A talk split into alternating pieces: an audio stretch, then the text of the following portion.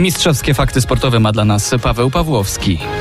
Francja czy Argentyna? Kto będzie piłkarskim mistrzem świata? Finałowy mecz już jutro o 16, a ja przypomnę, że Francuzi bronią tytułu wywalczonego 4 lata temu w Rosji. Wtedy to pokonali Chorwację, która dzisiaj w małym finale wygrała z Marokiem 2 do 1, no i wywalczyła brąz na tegorocznym mundialu.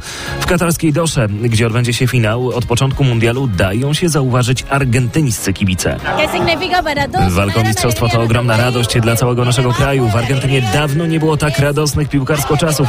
Wszyscy tym żyjemy, liczymy na zwycięstwo, no i jesteśmy bardzo podekscytowani. Dlatego przyjechaliśmy do Kataru. No i za naszą drużyną pojedziemy wszędzie, mówiła, a właściwie krzyczała pochodząca z prowincji Czubut Valeria, fanka z Argentyny. Ale zostawiamy teraz mundial i sprawdzamy wydarzenia na siatkarskim parkiecie Plus Ligi. Za nami Derby Śląska, no i tutaj dość szybkie zwycięstwo Jastrzębskiego Węgla, który pokonał 3 do 0 GKS, GKS Katowice. W trzecim secie Jastrzębianie pozwolili przeciwnikom na zdobycie zaledwie 16 punktów.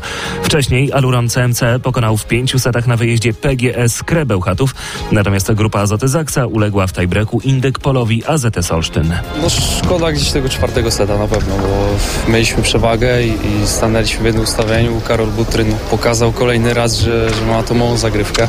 Mówił Korneliusz Banach z Zaksy. Na koniec jeszcze koszykówka, no i ostatni dzisiejszy mecz Energobasket Ligi. Roplak Sokół Łańcut pokonał na własnym parkiecie BM Stal Ostrów Wielkopolski 70 do 67.